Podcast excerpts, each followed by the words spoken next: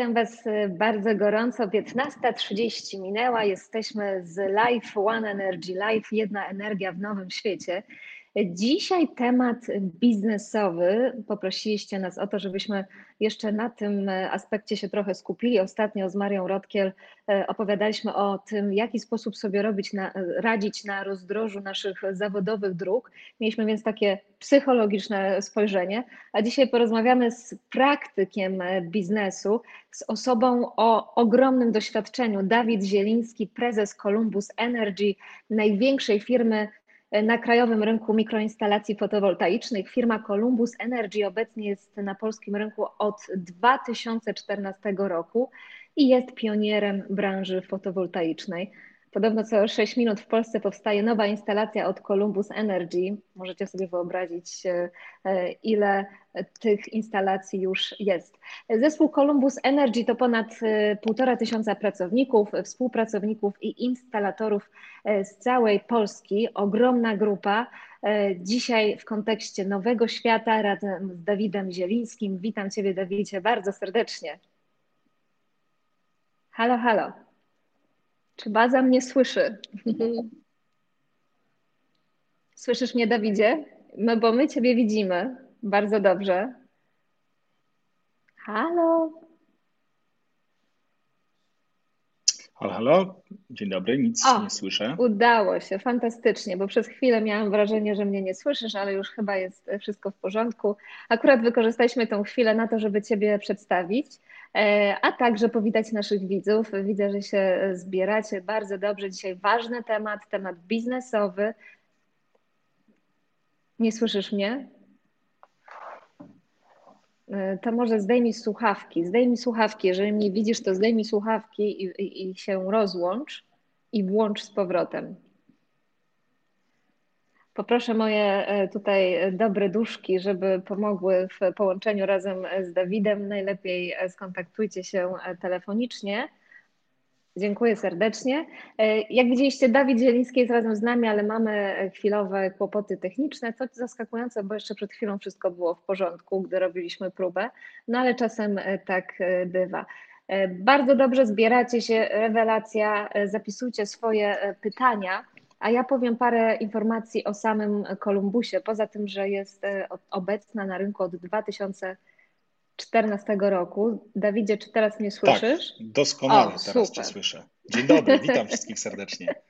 Udało się, wiesz, mieliśmy taką, taką chwilę niepewności, ale już jest wszystko w porządku. Widziałem Rewelacja. Cię, natomiast nie słyszałem Cię i nie, i nie widziałem, natomiast już, e, już i siebie też nie słyszałem, to jest teraz już wszystko dobrze. Myślę, że problemy nasze e, będą dobrym początkiem. Bardzo często tak jest, że kiedy się mówi o technicznych sprawach, dzisiaj będziemy mówić trochę o tych technicznych tak w kontekście fotowoltaiki, to właśnie ta technika najbardziej przeszkadza w zrealizowaniu na przykład e, wywiadu czy live'a. To jest po prostu stała sytuacja, więc w zasadzie to, to na mnie nie dziwi, e, ale cieszę się, bo jest z nami już całkiem spora grupa osób. E, przygotowujcie pytania, jak zawsze jesteśmy dla Was specjalnie z live. Ja jestem w Warszawie, Dawid jest w Krakowie. Zacznijmy może od tego, bo już jesteśmy po przedstawieniu. Czy fotowoltaika to jest y, nowy, to jest branża nowego świata? Bo tutaj konkretnie w tym live mówimy o tym, jaki świat będzie nas czekał, jaki się wyłania na naszych oczach po koronawirusie. E, jesteście na rynku od bardzo dawna i zastanawiam się, czy u Was rzeczywiście coś się zmieniło w myśleniu i że fotowoltaika jest to branża przyszłości? Mm. Wiesz co, ja myślę, że sama fotowoltaika, y, która jest technologią no, dosyć starą, oczywiście co kwartał, co pół roku rozwijaną niesamowicie, y, ale jest to jednak wymysł dosyć, dosyć stary. Y, to sama fotowoltaika nie jest przełomem nigdzie, natomiast to jest technologia, która niesamowity sposób współpracuje zarówno z systemem energetycznym, jak i z innymi urządzeniami. Mówimy tutaj o pompach ciepła, o magazynach energii.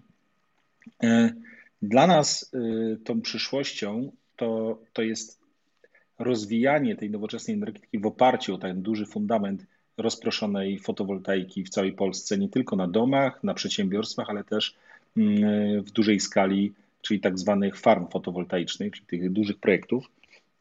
My sobie to wyobrażamy w Kolumbusie w taki sposób, że za kilka lat, myślę, że niezależnie od tego, czy koronawirus by przyszedł, czy, by, czy, czy, czy by nie przyszedł, będzie to wyglądać w taki sposób, że będziesz mogła jechać swoim samochodem elektrycznym na ten gambling, okay?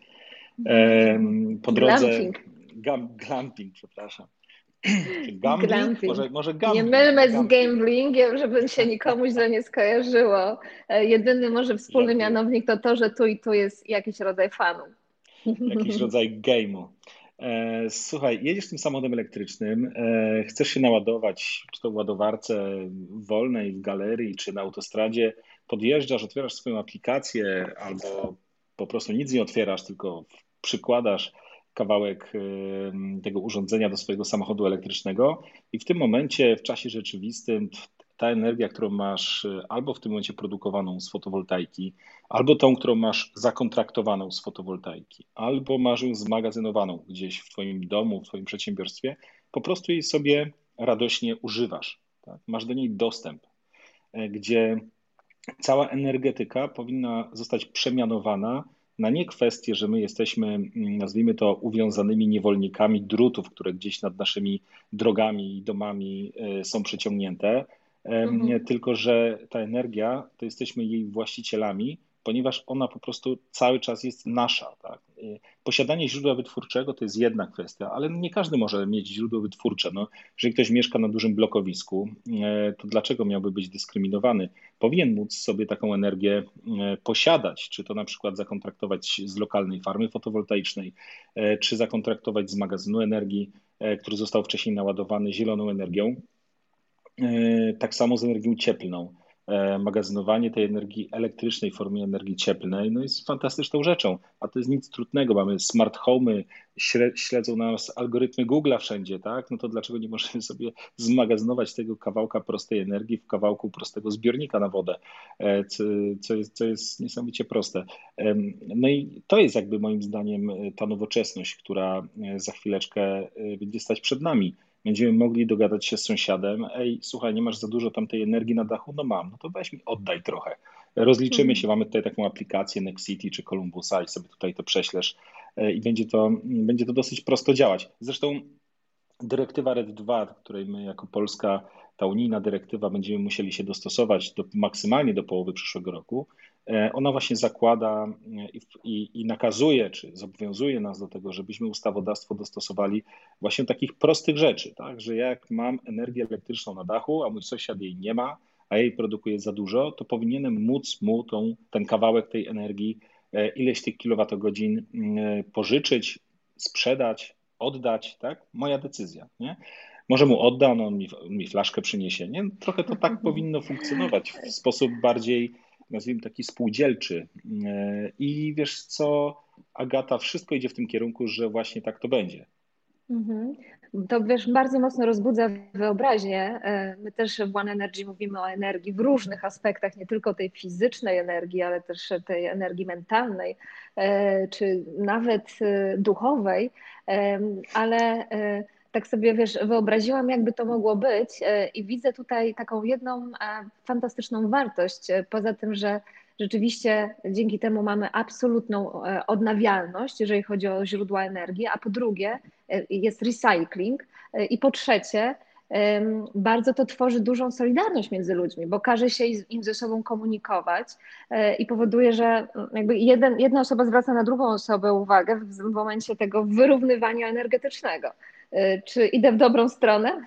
Wiesz co, myślę, że mm, słuchaj, to jest, to jest naturalne, krótka rzecz. E, krótka historia cen energii elektrycznej. No zobacz, dzisiaj w Twoim gniazdku w Warszawie e, płacisz za każdą kilowatogodzinę pewnie 60 parę groszy. E, myślę, że zaraz dostaniesz rachunek jakiś wyrównawczy, w drugiej połowie roku już będziesz płacić 70, a może w przyszłym roku nawet złotówkę. Na to ma wpływ to, że na przykład kurs euro podrożał, a to ma bezpośredni wpływ na składowe energii elektrycznej za chwilkę. Mhm. Mamy z drugiej strony e, całą emisję CO2, która też drożeje. No i tak naprawdę suszę, tak, która zaraz y, pojawi się na naszym rynku i będzie trzeba odpalać bardzo drogie bloki energetyczne, e, zabierać wodę z rzek i PSE będzie miało kolejną niemożliwą decyzję do podjęcia, czy zabierać wodę z rzek przy zagrożeniu suszy, czy odpalać mm, bloki energetyczne. I to wszystko ma wpływ na to, że energia będzie bardzo drożeć. No i teraz tak, jak jesteś tak zwanym Kowalskim, masz dom, niezależnie ile masz pieniędzy, czy ich masz mało, średnio czy dużo, to jedyną możliwością dzisiaj zhedżowania się na te zmiany długoterminowym jest albo zakontraktowanie długoterminowe energii, czego dzisiaj jako Kowalski nie możesz zrobić, prawda? No bo y, nikt z tobą nie podpisze na jeden domek w Polsce umowy, że z farmy fotowoltaicznej na drugim końcu Polski będzie ci sprzedawał tanią energię przez 25 lat, ok? No, nie, nie podpiszesz takiego kontraktu. Z drugiej strony nie, nie wejdziesz na giełdę, e, towarową giełdę energii i sobie nie kupisz tych kilowatogodzin na 25 lat do przodu, bo po prostu fizycznie to, to nie o to chodzi w tej giełdzie. Więc dzisiaj jedyną możliwością to jest postawienie sobie własnej elektrowni na swoim dachu. ok? Dlatego, że ona ci się spłaci dzisiaj w 4, 5, 6 lat, ok? w zależności od pewnych uwarunkowań. E, jeszcze w tym dostaniesz jeszcze jakąś mikrodotację jako element zachęty, odliczysz sobie to od podatku e, dochodowego i generalnie na koniec dnia, po, dojrze po pięciu latach ci się to spłaciło, czyli nie dołożyłaś nic do tego, co dzisiaj płacisz, to potem przez kolejne 20, 30, a może jak od Kolumbusa kupisz to dłużej, e, będziesz bardzo szczęśliwą posiadaczką darmowej energii, czyli się schedżowałaś nie tylko na wzrost cen, tylko po prostu cię to już przestało interesować, ok? Mhm. Bo masz tą energię swoją. No i teraz cała zabawa polega na tym, jak korzystać z tej energii. Dlatego, że ok, nie macie w domu, produkujesz energię. Jesteś w domu, no jest ciemno, no fotowoltaika nie, nie produkuje. Więc albo możesz liczyć na wsparcie y, rządzących. Dzisiaj mają taki pomysł, no za 5 lat pewnie inny, za 10 pewnie też się coś zmieni, i dzisiaj to jest y, korzystne dla Ciebie, korzystać z tych regulacji prawnych, które są, są teraz, ale nie o nich jakby mowa.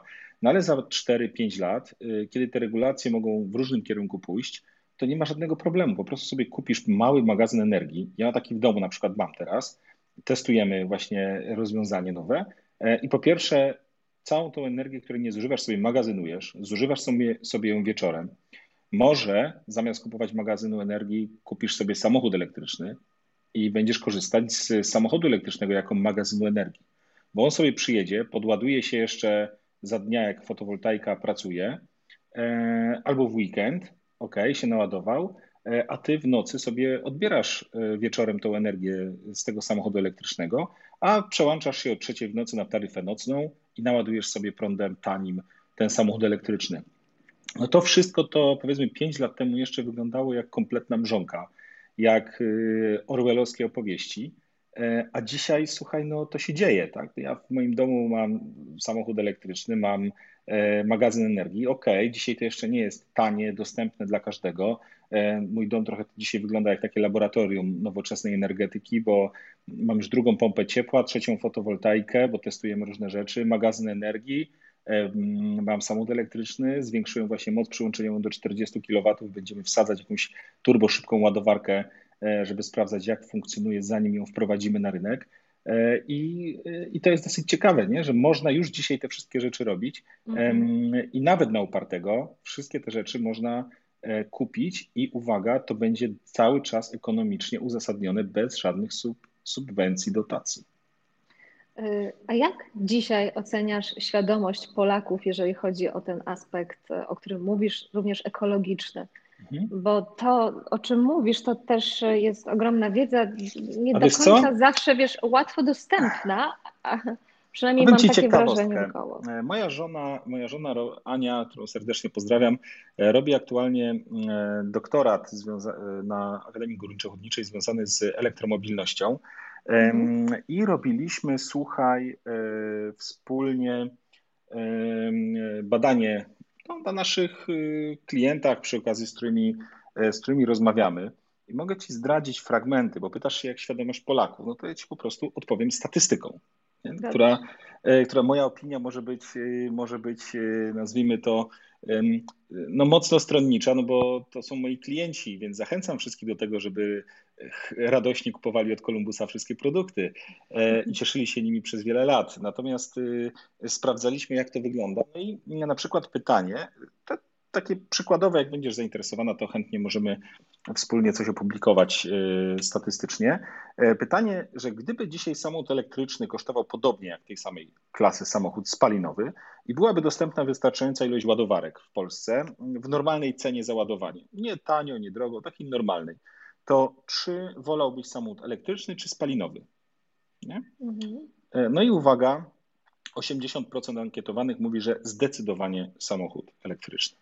Okay? O, 11% nie wie, bo nie zna się.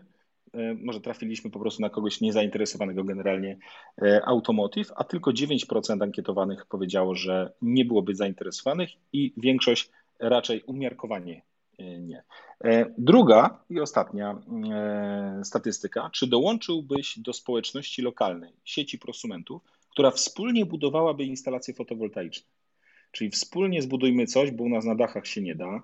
Zrzut, zrzutkę zróbmy tak zwaną, wybudujmy to na wynajętej na przykład działce od rolnika i cieszmy się darmową wspólnie energią, którą tak w spółdzielczy sposób można dzielić. Zdecydowanie tak 81%. Nie, e, nie tylko 6%. 13% powiedziało nie wiem, bo nie wie, co to jest. Spółdzielczość jeszcze może. E, więc, więc Niekoniecznie widzisz, fotowoltaika. Tak. E, taka, taka ostatnia, krótka statystyka, która też dużo może powiedzieć. Czy byłby Pan, Pani zainteresowany możliwością budowy stacji ładowania e, do samochodu elektrycznego? Wymaga to dodatkowej inwestycji. Tak? I można mhm. ładować swój samochód albo udostępniać tę ładowarkę za pieniądze, tak? zarabiać na tym w jakiś tam umiarkowany sposób. 61%, 61% mówi zdecydowanie tak. Więc mhm. to już mówi o tej świadomości społeczeństwa. To mówi, że ludzie dzisiaj są już gotowi na to, żeby wejść w fazę transformacji energetycznej 5.0, nawet można by powiedzieć.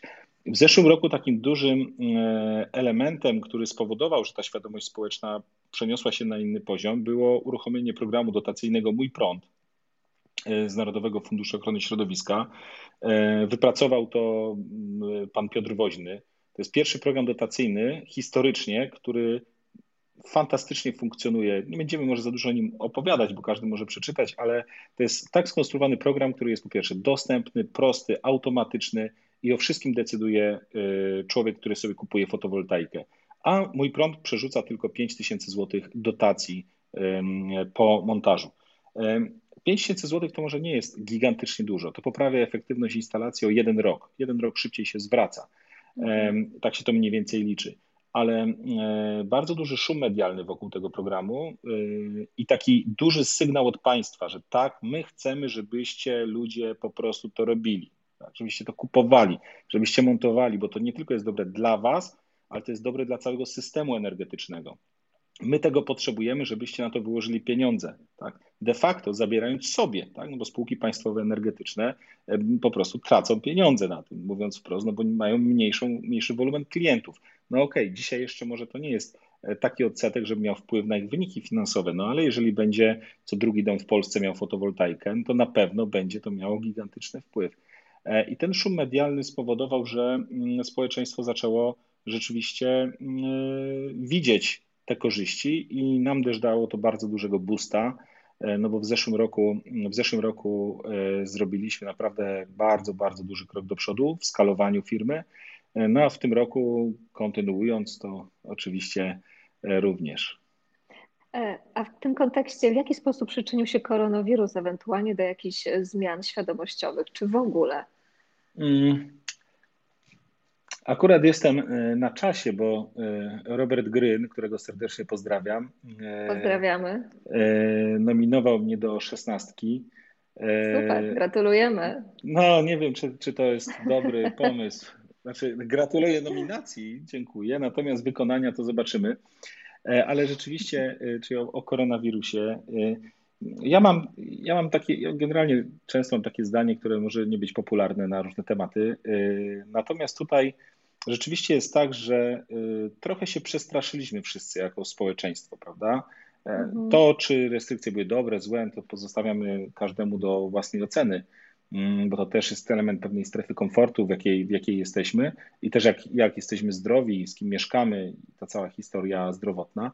Natomiast y, koronawirus na pewno spowodował to, że y, ludzie, którzy byli w domu, Tak samo jak zauważyli, że mają stare meble i pobiegli do Ikei je wymienić na nowe, tak samo jak zauważyli, że trzeba pomalować ściany, bo nikt y, nie, miał czasu się nawet tym zająć, to też zauważyli, że te rachunki za prąd, które im przychodzą, kiedy jest ryzyko utraty pracy, kiedy jest ryzyko e, tego, że no nie wiem, coś się może wydarzyć zdrowotnego w rodzinie, no po prostu ktoś się może zarazić, może mm, jakiś najgorszy przyjść czas, e, to wiele rzeczy należałoby w miarę usystematyzować y, na pokolenia. Z jednej strony są ubezpieczenia zdrowotne, z drugiej strony są to kwestie pewnych starych spraw do, do załatwienia, tak? czy uregulowania kwestii formalnych w rodzinie, a też jest taki mały element jak rachunki. Tak? Te rachunki za prąd, za wodę, za ciepło są często wysokie i po prostu jak się miesięcznie płaci, albo jakieś zaliczki, wyrównania, nikt tego nie liczy na koniec dnia, prawda? Rocznie zapłaciłem 3000 czy 5000, nikt nie pamięta tego na, tak naprawdę. E, to tu się okazuje, że był czas na to, żeby to przemyśleć i na pewno mm, będzie miało to taki wpływ nie tylko związany z energetyką, z fotowoltaiką, ale generalnie w życiu rodzin, że wiele spraw e, po prostu przemyślimy na nowo. A pewnie w tym też jest taki temat związany z tym, jak się zabezpieczyć na przykład na wzrost cen energii na kolejne dziesiątki lat. A czy koronawirus e, dotknął w jakikolwiek sposób Kolumbus? Odczuliście to jako organizacja, jako przedsiębiorstwo? Myślę, że każde przedsiębiorstwo odczuło z, dwóch perspektyw. Pierwsza perspektywa oczywiście koniec marca i początek kwietnia, izolacja e, nie tylko jakby nasza pracowników, bo wiele osób, które na przykład mieszka ze starszymi osobami, po prostu zostało w domu.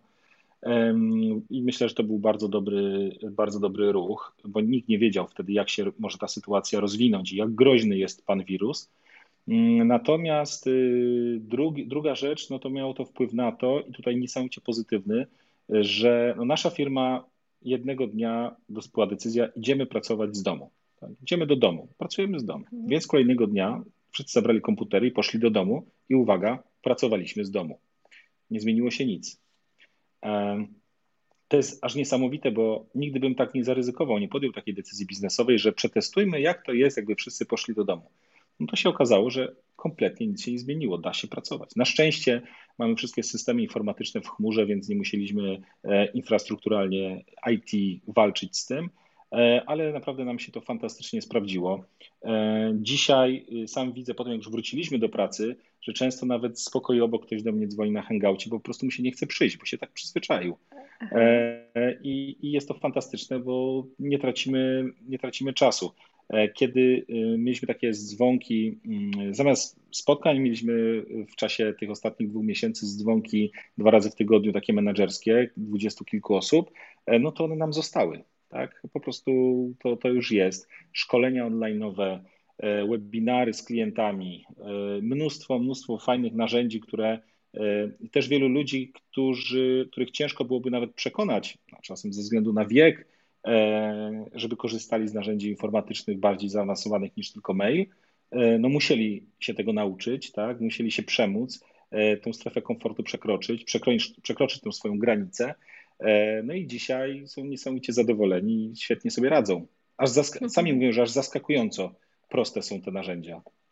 E, dużo rozmawialiśmy o tej transformacji energetycznej, do której nas zachęcasz i też e, jako Kolumbus nas e, nas, nasze społeczeństwo uczycie, bo jest w tym też sporo takiej misji edukacji, ale też widzę, że sami na skutek tego, co się wydarzyło w Polsce, całej pandemii, przeszliście przez transformację cyfrową. I nawet e, osoby, które do tej pory na co dzień nie używały tak mocno internetu, nie były zaznajomione z tymi narzędziami online'owymi, e, przekonały się do tego i okazało się, że można też zaufać pracownikom, puścić ich do domu e, i zobaczyć, że no, firma dalej jest i, i całkiem e, prężnie te procesy dalej funkcjonują. To ogromna, myślę, wartość i fajnie że też, że o tym mówisz, bo rzeczywiście e, wielu przedsiębiorców, szczególnie na początku pandemii, mocno się zastanawiało, e, czy uda im się utrzymać kontrolę nad firmą i czy to za chwilę nie runie na skutek nie tylko tych właśnie nowych procedur, ale również lęku, który się pojawił, również o bankructwa, również o odejścia klientów. Czy w Waszej strategii coś się zmieniło? Mm. Generalnie, jeżeli chodzi o fundamenty, to nie, e, dlatego że cały czas idziemy do przodu. To, co się zmieniło, na pewno to na pewno segment elektromobilności e, u nas, czy mieliśmy już zacząć po prostu w kwietniu oferować naszym klientom biznesowym, szczególnie w branży choreka, razem z fotowoltaiką systemy do ładowania samochodów elektrycznych. E, no tutaj jakby z racji tego, że branża choreka e, ma najtrudniej w tym czasie, to jest, czyli wszystkie hotele, restauracje, no tutaj mają, e, muszą poczekać teraz kilka miesięcy, na szczęście jest zaraz sezon, żeby się odbudować, mm, więc myślę, że wrócimy do nich z końcem roku dopiero z tą ofertą. Mm, natomiast z drugiej strony wiele przedsiębiorstw tak samo jak klienci indywidualni zauważyli, że te rachunki za prąd im ważą rzeczywiście mocno, szczególnie kiedy przychody mhm. spadają. E, I jak na przykład ktoś płacił nie wiem, 20 tysięcy złotych miesięcznie za prąd, to dzisiaj mówi: OK, e, to nie było dla mnie dużo, e, ale teraz, kiedy rzeczywiście okazało się, że wrażliwy jestem na takie zmiany gospodarcze, to może warto pomyśleć o tym, żeby się troszeczkę zabezpieczyć. Mm, I tutaj fotowoltaika jest naturalnym wyborem, jeżeli chodzi o Y, o prąd. Także nasza strategia jest cały czas taka sama. Codziennie przekraczamy nasze granice i mhm. jest A jak przekroczyłeś, y, no tak zapytam od tej strony psychologicznej tego, mm, jakby nie było, jesteś bardzo świadomym przedsiębiorcą, y, który zarządza zespołem z dobrą, funkcjonującą i bardzo sprawdzającą się strategią, ale jak przekroczyłeś swój własny osobisty lęk, kiedy dowiedziałeś się o koronawirusie, o tym, co potencjalnie może się wydarzyć? No to pierwsze, co zrobiłem, to sięgnąłem do książki Dale'a Carnegie'ego, żeby sobie ją przypomnieć, jak się nie martwić i zacząć żyć. Um, no, pół żartem no powiedz serio, bo... jak się nie martwić i zacząć nie, no, żyć. Słuchaj, jest tak. Na początku, kiedy masz kompletną dezinformację, tak jak wszyscy mieliśmy, mm. kiedy nie wiesz kompletnie, co się będzie dziać, nie? Kiedy nie wiesz ten wirus yy, i równolegle oglądając w telewizji film z 2011 roku o pandemii, yy, wyobrażasz sobie, że oglądasz film dokumentalny na żywo, oczywiście tam ze złym zakończeniem, znaczy z dobrym na końcu, ale w międzyczasie z bardzo gigantyczną dewastacją i kwestii śmiertelności ludzi i, i ekonomii całej, to zastanawiasz się, czy to właśnie się dzieje, czy to właśnie będzie w tym momencie jakiś totalny y, kataklizm, potem jakiś katarzis, a może to jest jakaś wersja apokalipsy. No i człowiek dostaje, wiesz, całkowicie mm, tyle bodźców, e, mikrostresów, które budują pewien lęk. No i teraz jeszcze jak do tego dołożysz telewizję, e, gdzie chyba ten pierwszy tydzień był, e, no, po tym pierwszym tygodniu było duże, dużo zastrzeżeń do mediów, że E, wykorzystują całą sytuację mm, po to, żeby budować sobie zasięgi, bo myślę, że tak rzeczywiście było. Po tygodniu oni troszeczkę stonowali, tak? No to później się okazało, że po dwóch, trzech tygodniach no nic się wielkiego nie dzieje, tak? Że jest to jakiś rzeczywiście wirus, który atakuje starszych ludzi, który atakuje słabych ludzi mocno, gdzie wielu ludzi przechodzi go bezobjawowo gdzie rzeczywiście służba zdrowia ma znaczenie, ponieważ to oni ratują tych najsłabszych. E, pytanie, y, które, na które nikt nie umiał odpowiedzieć, łącznie z, z ministrem, z ministrami i z, z rządem, czy nam wystarczy łóżek respiratorów i ta cała, cała kwestia. E, całe PPE, czyli, czyli te mm, kombinezony ochronne, maseczki, spekulacja na maseczkach, spekulacja na e, rękawiczkach, tak, że nagle rękawiczka kosztuje 10 zł, nie? Mhm. szaleństwo kompletne, spowodowała, że e, załamanie giełdy, tak, równoległe, chyba do 1400 punktów, nie, 1000 chyba nawet poniżej, 1300 punktów na, na WIG-20 to, to, to cofnęliśmy się giełdowo na chwilę do 94 roku. Tak sobie człowiek myśli, okej, okay, co się zaraz wydarzy? No, czy może być jeszcze gorzej? Nie? Czy jak ja się zarażę, to umrę? I wtedy myślę, że przychodzi taki element nadziei. Też wtedy media na pewno poluzowały. Trochę rzeczywiście ministerstwo zaczęło kontrolować to, co się dzieje w Polsce. Te dane zaczęły być jakieś, które, które dało, się to, dało się jakby odczytać można było worldometer e, codziennie obserwować na świecie, jak, jak to rośnie. I okazało się, ok, no były takie miejsca, e, ogniska zapalne gdzie na świecie, gdzie było ciężko, ale Chiny sobie poradziły, Iran sobie poradził, i jeszcze raz, Iran sobie poradził, tak? E, to myślę, że więcej było w tym strachu, więcej było w tym wszystkim lęku, nie tylko u mnie, ale myślę, że w całym społeczeństwie. I bardzo ciężko było zarządzać jakby swoim stanem psychicznym i stanem psychicznym całej załogi u nas. Bo jeżeli ja bym powiedział ludziom, słuchajcie, boję się jak cholera, tak? Zaraz będzie kataklizm, mam takie przeczucie, tak? Zostańcie w domu, w ogóle, tak? Zamknijcie się, nie, nie idźcie na zakupy, żadne, w ogóle, nie dotykajcie niczego, tak? Najlepiej nie oddychajcie, nie? To myślę, że byśmy mieli bardzo duży, e, duży problem w organizacji, ponieważ wszystko psuje się e, od głowy. E, na szczęście udało nam się wspólnie tutaj z, całym zarządem podjąć taką decyzję, że po prostu racjonalnie do tego będziemy podchodzić. Będziemy podejmować decyzje, które są E, nieryzykowne, ale jednak nie są hardkorowe z drugiej strony. I jak się okazało, wyszło nam to na dobre, bo wiele firm po prostu się zamknęło, zwolniło pracowników, e, zbudowało taką aurę, e, no nie wiem, że zostaliśmy skrzywdzeni przez los. No my spieliśmy pośladki, podwinęliśmy rękawy, zastanowiliśmy się, jak możemy ten czas dobrze wykorzystać. Nawet jeżeli będziemy mniej sprzedawać, mniej montować, to spróbujmy E, tak zbudować e, siłę wokół, wokół tej sytuacji, żebyśmy byli na koniec dnia mm, e, starczą i nie tylko tą antykryzysową. I rzeczywiście jest tak, że no tak się stało. No dzisiaj bijemy rekordy sprzedaży, a jest dopiero koniec maja. Jeszcze niektóre hotele się nie ogarnęły, a restauracje jeszcze się nie otworzyły.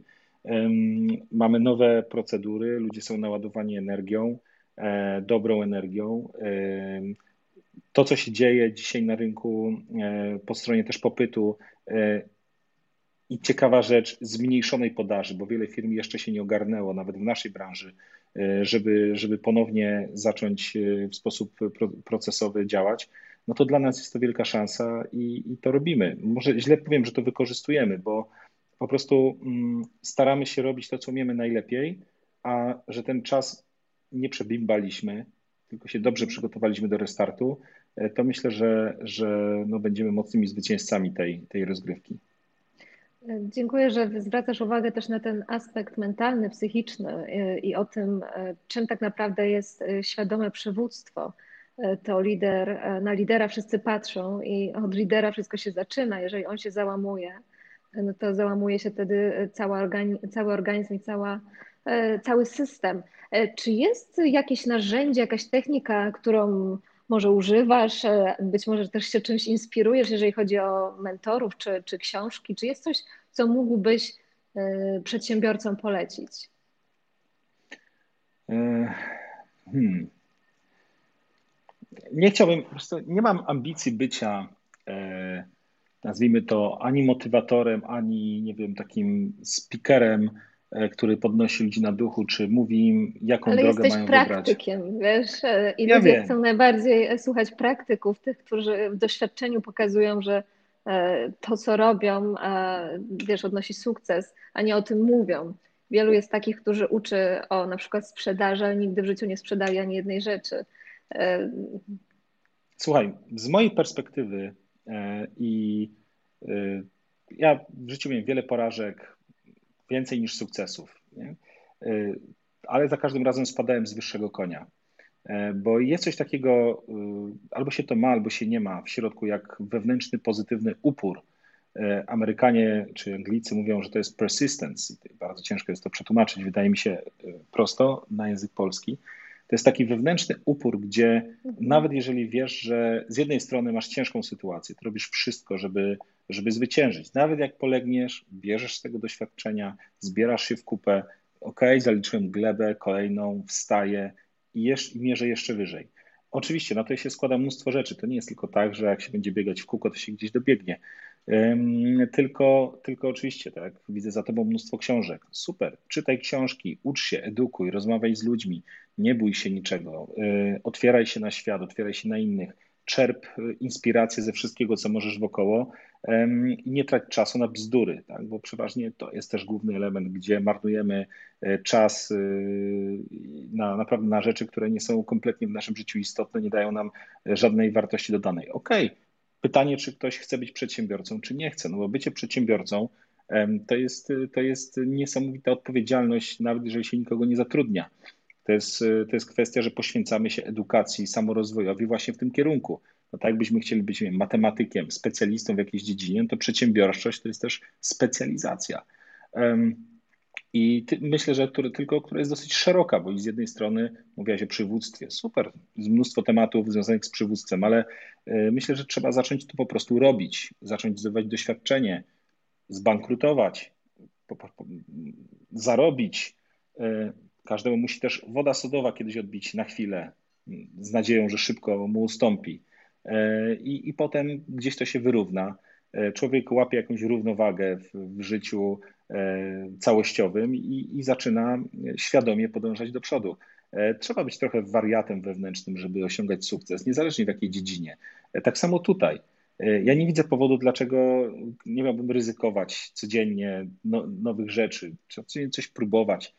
No okej, okay, robię szesnastkę, nie? Jutro zdradzę ci o godzinie, nie powiem której, nie powiem gdzie w Krakowie, E, będzie pewne zgromadzenie, które, które na szczęście jest legalne, bo ma pozwolenie e, i będzie, będzie kręcić fantastyczne wideo, które e, w niedzielę, mam nadzieję, o wschodzie słońca będziemy publikować i pokazywać, że jesteśmy pozytywnymi wariatami, którzy, którzy potrafią też się cieszyć tym, co robią i wykorzystywać, wykorzystywać narzędzia, jakie mamy do dyspozycji. Ale mówię, to, co jest dla mnie kluczowe jako przedsiębiorcy, jako powiedzmy wiem, lidera te, tego zespołu, który mamy, który już ma ponad, grubo ponad tysiąc osób, będziemy się myślę w tym roku do dwóch tysięcy y, zbliżać, y, to jest właśnie to, żeby się nigdy nie zatrzymywać, żeby, mhm. że kiedy staje się nudno, albo kiedy coś się staje regularne, coś się staje powtarzalne, gdzie chodzę do pracy, a nie do mojej firmy, tak, że wykonuję jakieś powtarzalne czynności jako przedsiębiorca, to znaczy, że Y, moja rola się kończy. Tak? Więc albo muszę sobie coś wymyślić, nową, nową robotę, e, albo zbudować jakiś nowy koncept, e, albo po prostu zrobić jakiś restart tej organizacji, żeby ona mogła się jeszcze szybciej rozwijać. No my nie chcemy budować firmy, która będzie po prostu stabilnie co miesiąc, co roku, nie wiem, rozwijać się 3% rocznie i opowiadać światu, że osiągnęła sukces. No nie, no my albo rozwijamy się kilka razy, albo ja nie jestem potrzebny tutaj. No. Bardzo mi się podoba ta e, magiczna metoda. Właściwie ona nie jest magiczna, ale powoduje magię w naszym życiu. Ten wewnętrzny, pozytywny upór, o którym mówisz, ten persistence. E, I też przyznanie się do tego, że to, co dzisiaj widzimy, to jest jakiś tam obrazek, ale za nim stoi mnóstwo e, doświadczeń, upadków, trudów, pewnie też i potu i łez. To, to nie jest takie, takie tylko czyste, pozytywne. Tam, tam, się, tam, tam jest prawdziwe życie. Dzięki, że się dzielisz e, e, razem z nami tym. E, jednak wysłuchanie praktyka to zupełnie inna wartość niż, niż słuchanie teoretyka. Aneta zadaje pytanie, bo tutaj się już trochę osób na tym naszym czasie pojawiło. A jakie są prognozy fotowoltaiki na przyszłość w Polsce? Czy widać zmiany w świadomości Polaków? O tej nie. świadomości już trochę mówiliśmy, ale jakie są, e, jakie są prognozy na fotowoltaikę na przyszłość w Polsce? E, wiesz co, e, generalnie to jest dopiero taki emerging market, nie? wszystko dopiero zaczyna startować. Mówimy, że w Polsce jest jakieś powiedzmy 2 gigawaty mocy, czyli takie 2000 kilowacików porównaniu do innych rynków, no to do, dopiero jest to rosnący, wczesno rosnący y, rynek. Myślę, że 10 lat y, takiego porządnego orania, mówiąc brutalnie, przed nami, jeżeli chodzi tylko o ten produkt. Fotowoltaika dla domów, no dzisiaj mamy, nie wiem, może 150-200 tysięcy y, domów z fotowoltaiką, a domów mamy 6 milionów. Spółdzielnie mieszkaniowe będą mogły robić za chwilę fotowoltaikę. E, przedsiębiorcy będą mogli robić w formule PPA, to, o tym też można by kiedyś dłużej porozmawiać. Farmy fotowoltaiczne, potrzebujemy 40 e, tysięcy takich farm fotowoltaicznych, a dopiero mamy ich zainstalowanych kilkaset. Więc to jest bardzo, bardzo wczesne stadium rynku. Poza tym my jesteśmy na rynku pomp ciepła również bo już je montujemy dosyć regularnie e, i czuję, że ten rynek to będzie drugi rynek fotowoltaiki w Polsce. Mamy rynek elektromobilności, gdzie e, potrzebujemy w Polsce mieć kilkaset tysięcy punktów ładowania samochodów elektrycznych, żeby za 10 lat ta sieć była drożna, żebyśmy mogli się e, ładować. A w Polsce kilkaset tysięcy, a mamy zamontowane publicznych ładowarek kilkaset. Więc no my jakby jesteśmy dopiero na początku tej drogi. A gdzie usługi handlu energią w kontekście nie zakupu, tylko wymiany między użytkownikami tej energii? E, korzystania z, z tego dostępu do, do energii elektrycznej. No, tym się będziemy zajmować. To będzie coś, co, co będzie naszym e, głównym e, celem na najbliższe, na najbliższe lata. No, cały temat też zrozumy też ochrony mm, powietrza, czyli program Czyste Powietrze, który ma 100 miliardów złotych budżet, który konsultuje teraz pan Woźny z Narodowego Funduszu, też go przerobił kilka dni temu i wszystko się mocniej zautomatyzowało, uprościło i okazuje się, że e, nie tylko pompy ciepła, ale zaraz też proste docieplenia, wymiany okien, taka, nazwijmy to taka brutalna budowlanka, która ma spowodować, że będziemy żyli w lepszej rzeczywistości. E, to też jest przestrzeń, w której e, firmy takie jak Columbus znajdą swoje miejsce, więc z, z mojej perspektywy to jest, mówię, 10 lat orania po horyzont do takiego solidnego.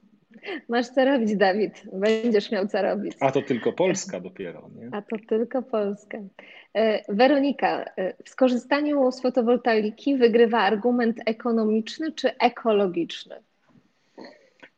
E, ekologiczny argument jest dosyć, nazwijmy to, mm, dyskusyjny, poddawany pod dyskusję, że dyskusyjny jest złe słowo, poddawany pod dyskusję, e, dlatego że jeszcze nie, nazwijmy to, nie skomercjalizowano e, takiego skutecznego i masowego sposobu recyklingu później fotowoltaiki na koniec dnia, e, ale już są prowadzone mnóstwo fajnych badań R&D, więc myślę, że ten aspekt ekologiczny będzie można za kilka lat ogłosić, że jest stuprocentowo odnawialny, nie tylko jeżeli chodzi o energię, którą produkuje, ale też komponenty, z których jest moduł zbudowany, bo też pamiętajmy o tym, że moduł fotowoltaiczny jest dosyć prosty, tak? Ma trochę szkła, trochę aluminium, w środku trochę krzemu i z tyłu trochę plastiku, tak? I tyle w temacie, tak? I dosyć łatwo jest rozbieralny, jeżeli chodzi o recykling, tylko jeszcze nie jest to ekonomiczne. Więc jak złapią te firmy recyklingowe ekonomię na tych panelach, a na pewno złapią za chwilę, e, to, to będzie to stuprocentowo ekonomiczny biznes. Natomiast ek ekonomia dzisiaj fotowoltaiki to jest 99% e, zakupu. Ekologia, mhm. czyli tak zwany buyer, czyli tak zwany dodatek do czegoś, e, czy jakieś takie poczucie, że jest się lepszym, jest dzisiaj na drugim miejscu. Słuchajcie, jeżeli dzisiaj lokata w banku to jest tam 2%, 3%, a fotowoltaika nam się zwraca w 4%, no to o czym my mówimy? Nie? Mhm. E, to jest, to jest no-brainer totalnie do tego, żeby odpalić sobie fotowoltaikę. Szczególnie, że no jak mówię, fotowoltaika i usługi dodatkowe, gwarancje, które są już bardzo długie, technologia, która jest naprawdę fantastyczna. E, no, ja bym, no ja mam, mówię, trzecią instalację już. Mhm. E, Kamil, jak jest, miało być naprawdę z tą koronką. Tego na pewno się nie dowiemy. Ważne jest, że ludzie nie są głupi i widzą, co się dzieje wokół. E, po tyłku dostał rynek. Moim zdaniem to swego rodzaju wojna światowa, której nie mogli wywołać, bo ludzie są zbyt świadomi. No, Chciałbyś to rozszerzyć. Do, komentarz, do, komentarz do koronawirusa i sytuacji. No, mhm. Umówmy się, y, światem rządzi strach, tak? Kiedyś słyszałem, e, nie wiem czy to jest prawda czy nie, że więcej zginęło przez ostatnie 100 lat Amerykanów e, przez e, uderzenie, przez spadek kokosa z drzewa niż w wojnie z terroryzmem. Nie wiem. I myślę, że oceni to pewnie ktoś za kilka pokoleń, jakiś taki Yuval Noah Harari, który się urodzi dopiero i powie, jak to było z tym, z tym, z tym koronawirusem.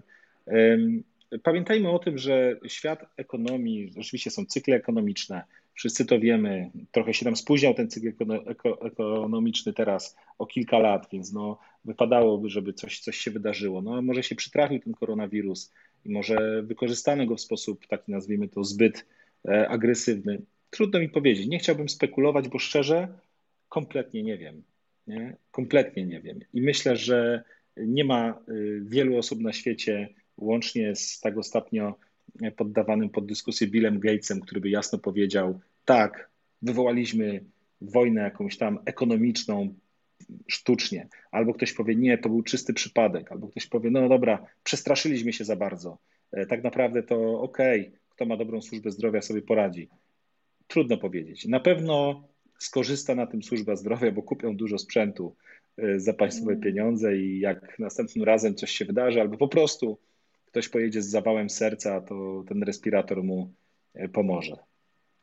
Na koniec dnia i tak warto zadać sobie pytanie o to, jaką się osobiście ma sytuację i co chce zmienić w moim podwórku. Czy może jest coś, co wymaga e, poprawy albo przeredefiniowania czy przewartościowania, na przykład też w mojej firmie. Bo jedno to, co się dzieje rzeczywiście na tym globalnym poziomie, możemy tutaj spekulować, przewidywać, zastanawiać się. Jest też mnóstwo teorii spiskowych, ale jest jeszcze na przykład nasza przestrzeń taka najbliższa, tak, naszych relacji, E, czy nasza przestrzeń zawodowa. I tutaj z tego, co słyszę, e, w Columbus y, bardzo mocno skupieni jesteście na swojej strategii, na tym, co się dzieje wokoło Was, na takim najbliższym, na najbliższym otoczeniu. I to jest taka, e, jakby niezależnie od tego, co się dzieje tam na zewnątrz, idziecie po prostu swoją drogą. Wiesz co, tak, natomiast też y, mnóstwo jest inicjatyw wewnętrznych w firmie, które Y, same chodzą, można powiedzieć. Y, jedną z takich inicjatyw jest fundacja, jaką no, ja ufundowałem, natomiast prowadzą ją ludzie, którzy są naszymi pracownikami. To jest fundacja mhm. Carbon Footprint, która, która zastanawia się nad tym i propaguje ocenę śladu węglowego danych produktów czy usług, jak ten ślad węglowy w kontekście jego opodatkowania bądź braku opodatkowania E, może gdzieś wpłynąć e, na rynek. W Radzie Nadzorczej mamy też e, świetnych ludzi, mm, którzy też prowadzimy taką poważną dyskusję, nawet czasem zbyt akademicko mi się wydaje, jak ten świat będzie, w jakim kierunku zmierza. I też staramy się mm, pomagać w tym, że jeżeli uważamy, że możemy gdzieś nacisnąć przycisk, który może generalnie wszystkim pomóc, to to robimy. Nie zamykamy się z naszymi statystykami, nie zamykamy się z naszymi opiniami, nie robimy tego po prostu dla pieniędzy, e, można powiedzieć brutalnie, e, bo mm, no, jesteśmy spółką giełdową, budujemy wartość, nie wypłacamy dywidend, tak? E, staramy się reinwestować wszystko, co, co zarabiamy, tworzyć miejsca pracy, budować świetną atmosferę i świetnego pracodawcę jako takiego, nie tylko pod kątem finansowym, ale pod kątem po prostu takich zdrowych relacji. Myślę, że staliśmy się też fajnym pracodawcą generalnie na rynku. Wielu ludzi chce dla nas pracować, dlatego że chce pracować dla Columbusa, a nie dla firmy związanej z fotowoltaiką. I też ten koronawirus, e, bo od tego zaczęliśmy jakby ten wątek, on też pokazał, zresztą tak jak Warren Buffett mówi, kto pływa nago, jak jest odpływ. E, I, i mhm. okazało się, że całkiem nieźle jesteśmy ubrani. No. Macie piękny strój kąpielowy. Wiesz co, to tutaj rysuje mi się taka dosyć e, spójna wizja tego, jak to przedsiębiorstwo e, nowego świata powinno wyglądać. Tutaj dużo się przewija wątków związanych z misją, z impaktem, z tym takim pozytywnym wpływem, z edukacją i z czymś więcej niż pieniędzmi jako cel sam w sobie. E, w zasadzie mało o tym rozmawialiśmy i teraz to sam podkreśliłeś, że nie jest do, to do końca najważniejsze. Patrzycie szerzej, patrzycie dalej. Macie też pomysły na to, jak zmieniać ten świat, żeby był lepszym miejscem nie tylko na zewnątrz, ale też w środku, wewnątrz waszej organizacji, co pokazuje też ogromną rolę świadomości. E, to jest taka moja jakaś e, diagnoza tego, jak to ta firma, jak to przedsiębiorstwo w tym nowym świecie powinno wyglądać, jeżeli rzeczywiście chce być ubrane w momencie, kiedy e, woda już spłynie i zobaczymy, jak, jacy są inni w jakim ubraniu występują inni zawodnicy. Wiesz co, ja, ja szanuję ludzi, którzy mówią wprost, ja robię biznes jakiś, który robi po to, żeby zarabiać pieniądze. Mhm. Nie szanuję ludzi, którzy robią biznes, żeby, żeby zarabiać pieniądze, a okrywają się pewną obłudą i mówią całkowicie odwrotnie, czy tworzą Jasne. jakiś wizerunek odwrotny. No my, y, ja powiem tak, no ja nie jestem biednym człowiekiem, myślę, y, oczywiście pół żartem, pół serio. Y, myślę też, że świetnie płacimy w firmie i wielu ludzi pracuje za pieniądze często wyższe niż mogliby na przykład w innej firmie dostać. E, są też stanowiska podstawowe, gdzie staramy się benchmarkować do rynku. Są też akcjonariusze, którzy grają na giełdzie, cieszą się, że firma rośnie. Niektórzy zarobili po 20, po 30 razy e, z kapitału, który zainwestowali, mm, ale jakoś mamy, udaje nam się cały czas zespół i zarówno pracowników, i menadżerów, i akcjonariuszy tak kontrolować i dobierać, że jednak głównym celem nie jest hajs, mówiąc wprost, nie? że głównym celem jest to, żebyśmy ro rośli, żebyśmy się rozwijali, żeby kultura organizacji y, była cały czas taką trochę kulturą uduchowioną jak startup.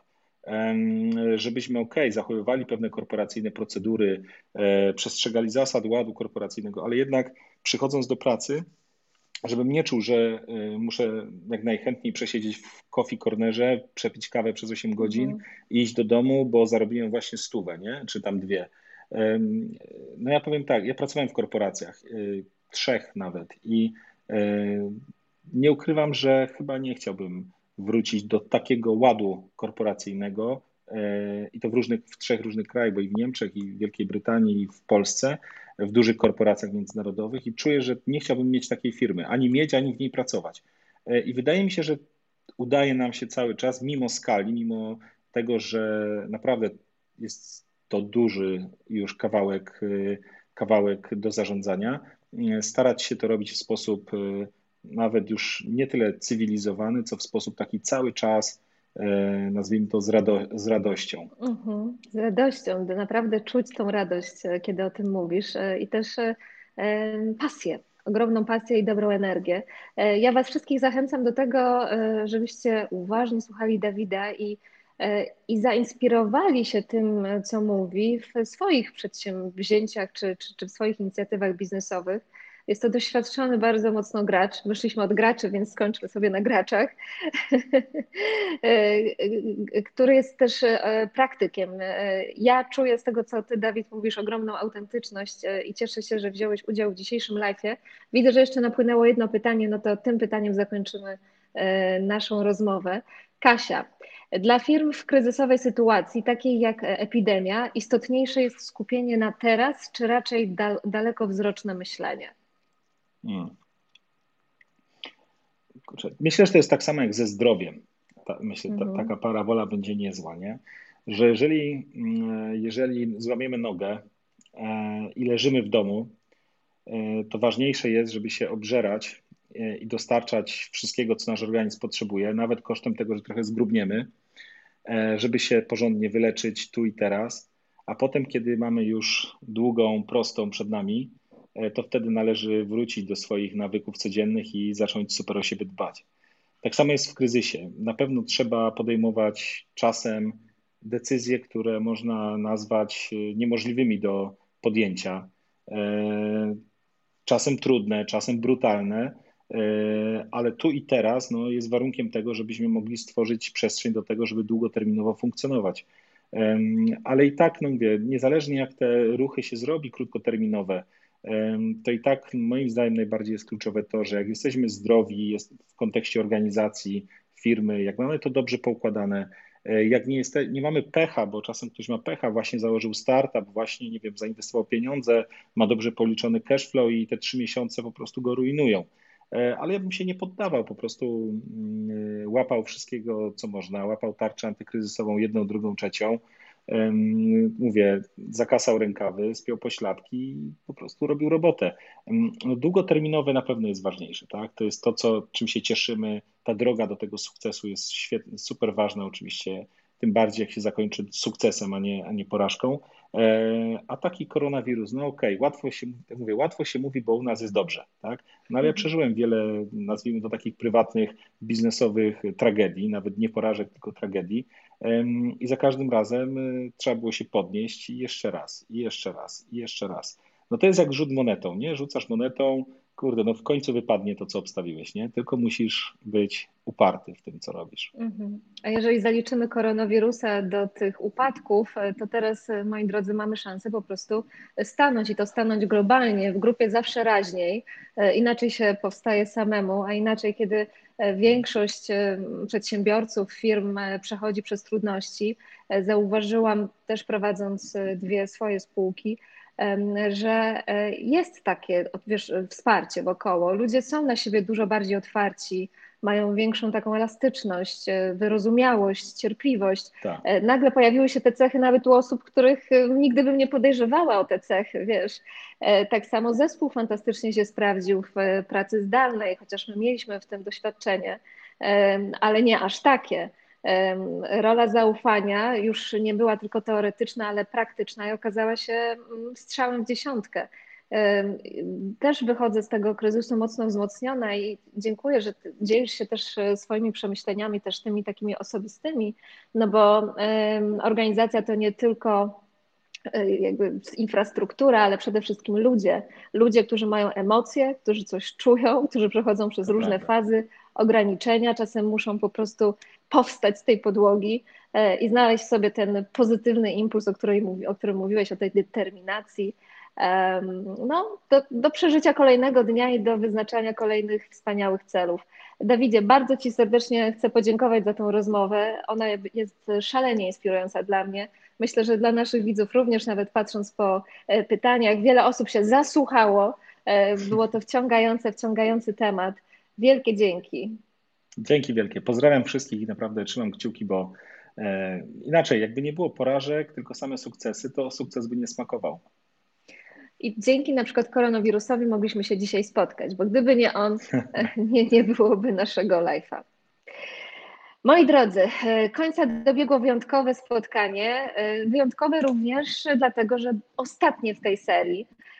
Przez ostatnie tygodnie spotykaliśmy się online w każdy czwartek i we wtorek, aby wspólnie z naszymi gośćmi, z Wami, widzami spotkań live, zastanowić się nad tym, jak będzie wyglądał nowy świat ujawniający się w dobie epidemii. W tym trudnym czasie, dla nas też zupełnie nowym, nieprzewidywalnym, e, pojawiło się wiele pytań dotyczących niemal wszystkich sfer naszego życia, dotyczących emocji, stresu, organizacji swojego codziennego życia, czy również, e, jak dzisiaj, e, prowadzenia biznesu. Wspólnie właśnie na te pytania staraliśmy się odpowiedzieć. Mamy nadzieję, że byliśmy dla Was wsparciem, wskazówką i źródłem inspiracji. E, za nami dokładnie 16 niezwykłych spotkań. E, łączyliśmy się ze specjalistami z różnych dziedzin, z całej Polski, ale nie tylko, e, bo zawitaliśmy również na Kostarykę, czy byliśmy u Iri Soku, czy w Nowej Zelandii. Wirtualnie łączyliśmy się z Colinem Sisonem. Gościliśmy psychologów, terapeutów, dietetyków, nauczycieli, trenerów rozwoju osobistego, nauczycieli medytacji, praktyki obecności, trenerów mentalnych, a także znanych przedsiębiorców. Z każdej rozmowy wynieśliśmy, mam nadzieję, cenne wskazówki, jak radzić sobie w tym nowym świecie. Nauczyliśmy się, że warto pielęgnować wdzięczność i ponosić swoje wibracje e, do życia w świadomości, że warto spotykać się z samym sobą, z wewnętrzną ciszą i z tym, co nam towarzyszy, nawet jeśli to bardzo trudne i bolesne. Bardzo Wam dziękuję za, za, za tego live'a. Jak powiedział Igor Klaja, my nie mamy czasu, my kreujemy czas. Zadbajmy zatem, aby wykorzystać go dobrze. My na pewno wykorzystamy go dobrze, bo już myślimy o nowej serii wywiadów. Wkrótce powiemy Wam więcej. Tymczasem bądźcie z nami na bieżąco na naszych kanałach, na portalu Facebook, na Instagramie, na YouTubie oraz na podcastach. Znajdziecie zapisy wszystkich rozmów. Dzielcie się tą e, energią, naprawdę warto i niech ta energia nas również łączy. Dziękuję za dzisiaj.